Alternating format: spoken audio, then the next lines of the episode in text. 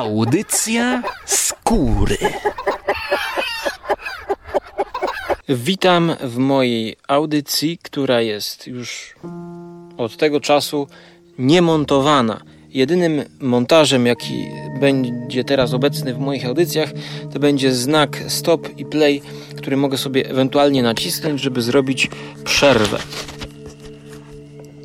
Jest to spowodowane tym, że prowadzę kanał e, Żarłok TV, który wymaga bardzo dużo montażu i na ten montaż nie mam już po prostu sił ani czasu. Ostatnio e, krytykowałem Elizabeth Wharton. Oj, jak krytykowałem. Nie podobała mi się strasznie tamta książka, ten zbiór opowiadań. I no, poszedłem jeszcze głębiej e, w ten, w ten klimat, w tamten styl bo sięgnąłem po książkę Elizabeth Gaskell, która jest autorką y, urodzona 1810-1865. E, na okładce mamy piękny obraz jakiejś no, domostwa jakiegoś e, w lasku, za płotem. Wszystko podczas zimy. Śnieg tutaj pięknie nam pierwszy plan zakrywa i parę. Jakiejś kobiety, podejrzewamy, że to jest niańka albo mama, i właśnie mała dziewczynka, która jest trzymana za rękę. Świetnie to wprowadza w klimat, i muszę powiedzieć, że ja zacząłem to czytać e, w zimie. W zimie zacząłem to czytać. I tutaj jest dużo opowiadań, które się właśnie dzieją w tym czasie. E, chociażby pierwsze, które jest bardzo tutaj przez wydawcę, czyli przez pana marszałka chwalone, że jest e, no, klasyką, e, czyli opowieść Starej Piastunki. I teraz to był drugi mm, tom z wydawnictwa CIT z Biblioteczki Grozy, po który sięgnąłem właśnie po Elizabeth Wharton. I pierwsze opowiadanie tutaj mnie bardzo tak orzeźwiło, że tak powiem, bo w opowieści Starej Piastunki mamy bardzo dużo atrakcji. Tak. Y, nawet y, miałem skojarzenia y, z końcówką książki Stephena Kinga Ręka Mistrza. Oczywiście w innym wymiarze, pamiętajcie, to jest takie skojarzenie. Gdzie no, Steven uruchamia jakby całą swoją wyobraźnię i właściwie całą poprzednią część książki burzy jej klimat a tutaj opowieść Starej Piastunki mamy zagubione dziecko, y, jakąś gospodynię, która miała się nią opiekować, potem duchy nawiedzające, jakieś wichury, dziwne zjawiska atmosferyczne. No i to dobrze wprowadza y, w atmosferę całego zbioru. No dobrze czy niedobrze, no widzicie, teraz nie mogę sobie już wymontować, bo takie były założenia.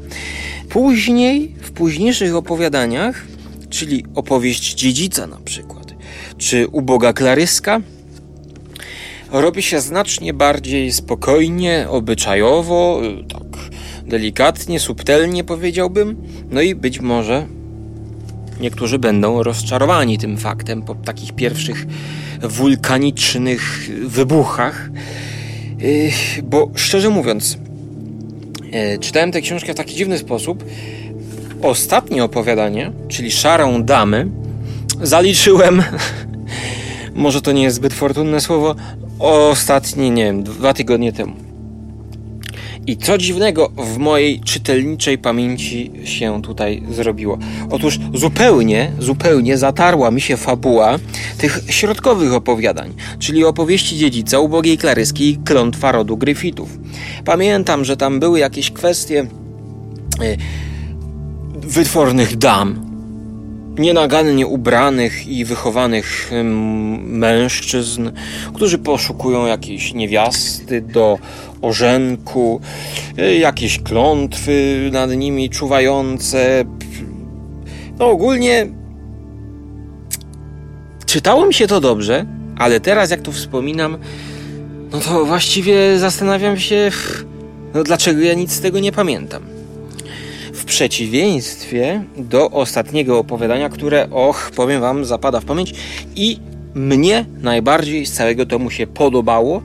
Ja bym zachęcał czytać zbiór od końca. ponieważ y, no właśnie nie wiem czemu tego nie dali na początek.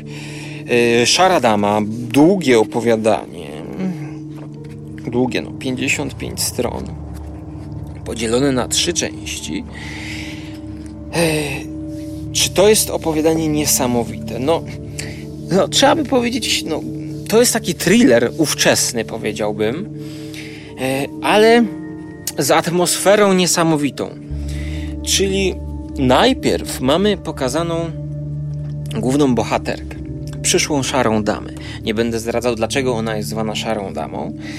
E, oczywiście jest tutaj opowieść w opowieści, czyli zanim ta opowieść się nam ujawni, to my musimy e, towarzyszyć, towarzyszyć jakiejś młodej dziewczynce, która wchodzi do domu, do młynu i tam widzi jakąś kobietę, która leży taka jakby chora, nie wiadomo co z nią jest, nie ma z nią kontaktu, kobieta po jakichś przejściach ewidentnie. I zaczyna się. Zaczyna się opowieść poprzez pamiętnik znaleziony gdzieś tam za, za łóżkiem, czy gdzieś tam e, tej, tej kobiety. I tutaj akurat, pomimo, że ja lubię takie opowieści w opowieści, to tutaj to, to dla mnie w ogóle te, ten wstęp jest, jest, jest, bez, jest taki, no, no to jest niby córka tej, tej dziewczyny, która odkrywa tej pamiętnik. Za dużo to nie wnosi, ale mniejsza z tym, bo najciekawsze dzieje się później. Czyli my widzimy historię tej kobiety. Kobiety, która no, XIX wiek żyje sobie jak to.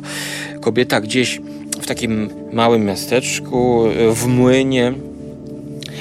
I no, jest bardziej wyluzowana niż ówcześni wytworni panowie czy panie, kiedy ówcześnie francuska moda królowała, to ona no niedobrze czuje się na tych dworach, na tych, tych takich wytwornych miejscach, bo mm, skąd ona to zna? Została zaproszona swego czasu do jakiejś tam kuzynki, kuzynki. W ogóle w tej książce też jest tyle tych stryjów, kuzynów, jasny gwint. Mnie to tak po prostu wybija. Ja muszę sobie całe drzewo genealogiczne wytworzyć w rozumie z moim, ale ja nawet nie wiem, co to jest stryjek, no.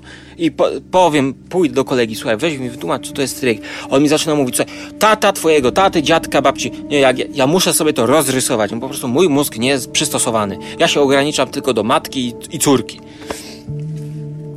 I teraz na tych wytwornych e, spotkaniach, gdzie kobieta widać, że się czuła, no źle się czuła, bo nie można było się uśmiechnąć, jakieś sztywne zasady, no ja też sam bym tam nie wytrzymał, ale spotyka tam mężczyznę, który ją oczarowuje. Oczarowuje ją tak bardzo, rodzi się między nimi jakiś taki, prawda, romansik delikatny, który przeradza się oczywiście e, w miłość ale też tak nie do końca, no bo tutaj mamy jakieś mezaliansy e, ówczesne, także on nalega, słuchaj kobieto, ja nie będę się żenił z tobą i mieszkał w jakimś młynie, przyjedziesz do mojego pałacu, tam jest cudowny widok na polanę i na moją, i na twoją przyszłość. No i kobieta ulega czarowi, wychodzi za mąż i niestety potem, i niestety potem już nie wraca. Musiałem to wmontować. Traci kontakt z rodziną, bo to, ta, to jest daleko od tego młyna. I właściwie już traci również kontakt z tym facetem. A dlaczego? Bo ten facet okazuje się, że jest zły.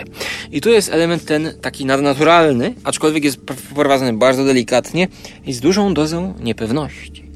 Ponieważ my nie wiemy, czy ten facet jest owładnięty przez jakiegoś szatana, czy on jest jakimś psychopatą, mordercą, porywaczem i tak dalej, i tak.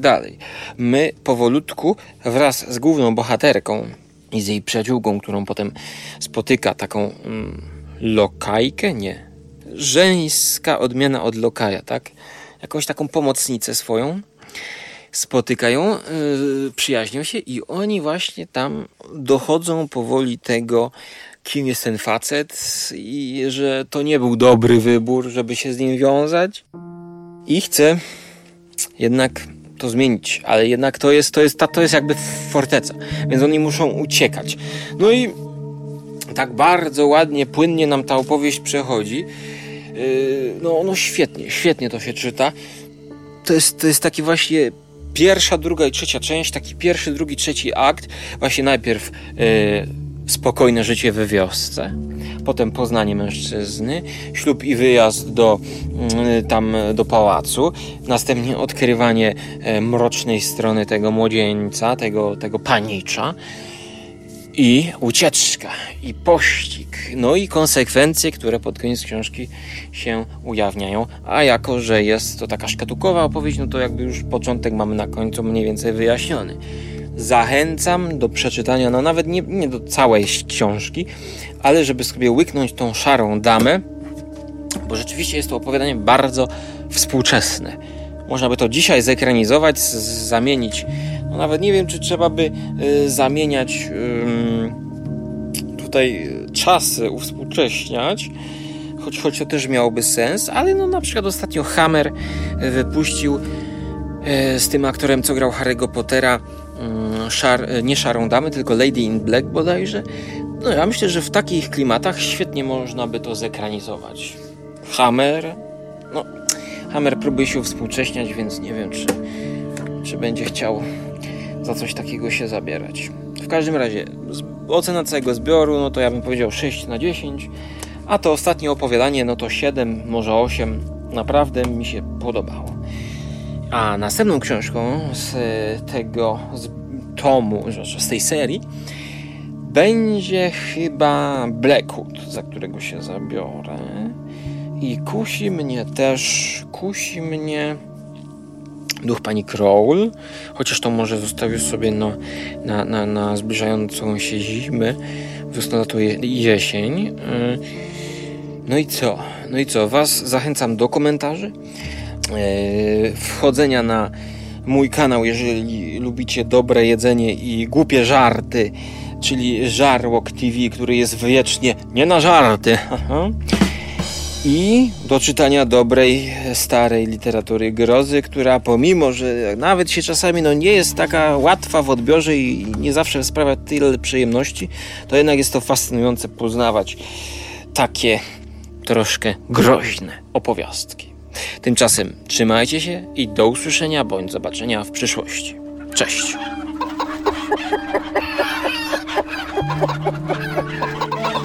Audycja skóry.